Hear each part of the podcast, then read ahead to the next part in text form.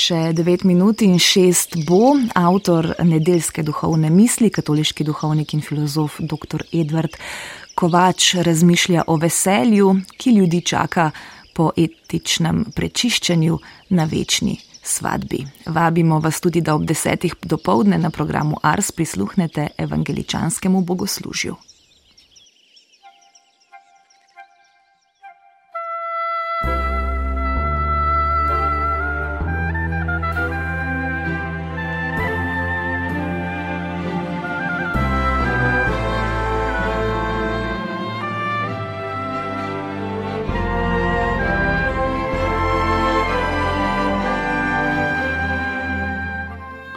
Slovenska ljudska modrost je izoblikovala številne pregovore, ki izražajo dolgoletno življenjsko izkušnjo našega naroda.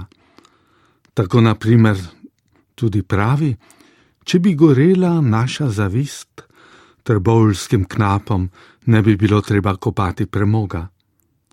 Gre za tisto globoko nagnjenje, ki je pravzaprav v vsakem človeku, da drug drugemu ne privoščimo veselja in uspeha, če jo nimamo tudi sami v še večji miri.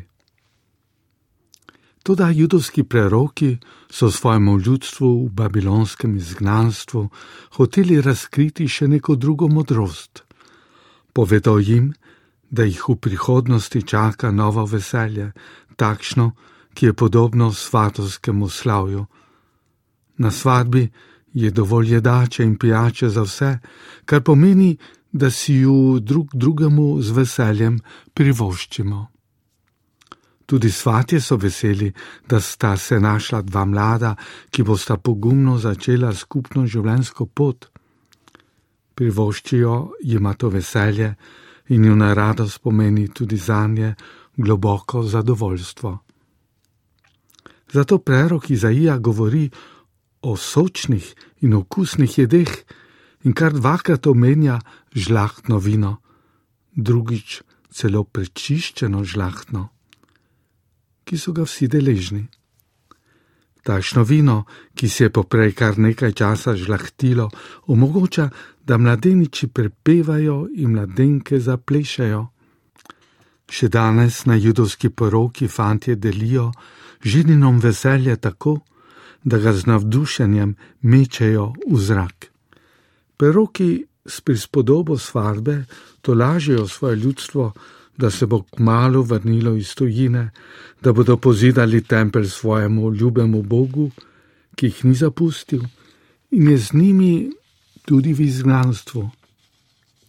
Znova bodo zasadili trto po jeruzalemskih gričih in ponovno se bo slišala pesem svatov, po jeruzalemskih ulicah. Toda poprej se morajo etično prečistiti, kot je prečiščeno tudi svatovsko vino. Gre za etično spreobrnenje k prijateljstvu vseh narodov, vseh ljudi. Kot sta ženi in nevesta tako srečna, da privoščita veselje vsem ljudem, podobno morajo tudi oni privoščiti vero v njihovega Boga, ljubezni, vsem narodom. Zato bodo v prihodnje romali v Jeruzalem, mesto miru, vsi narodi iz vsega sveta. Sedaj razumemo, kakšna grenkoba je lahko za mlado poročenca, če ljudje ne verjamejo v njuno ljubezen, če niso sposobni z njima deliti njune sreče in jih enostavno ni.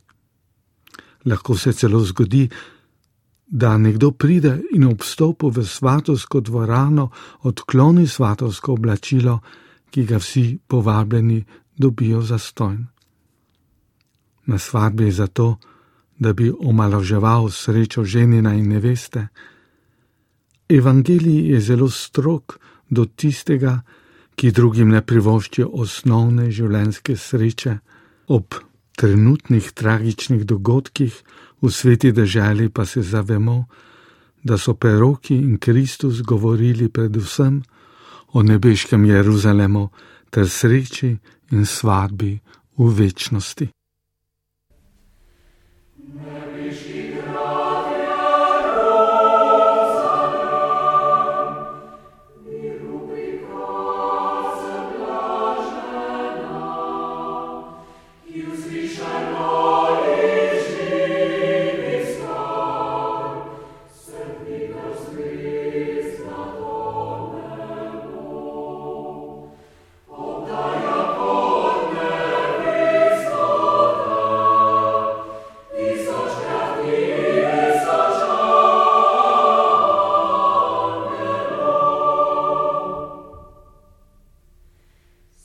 Christe é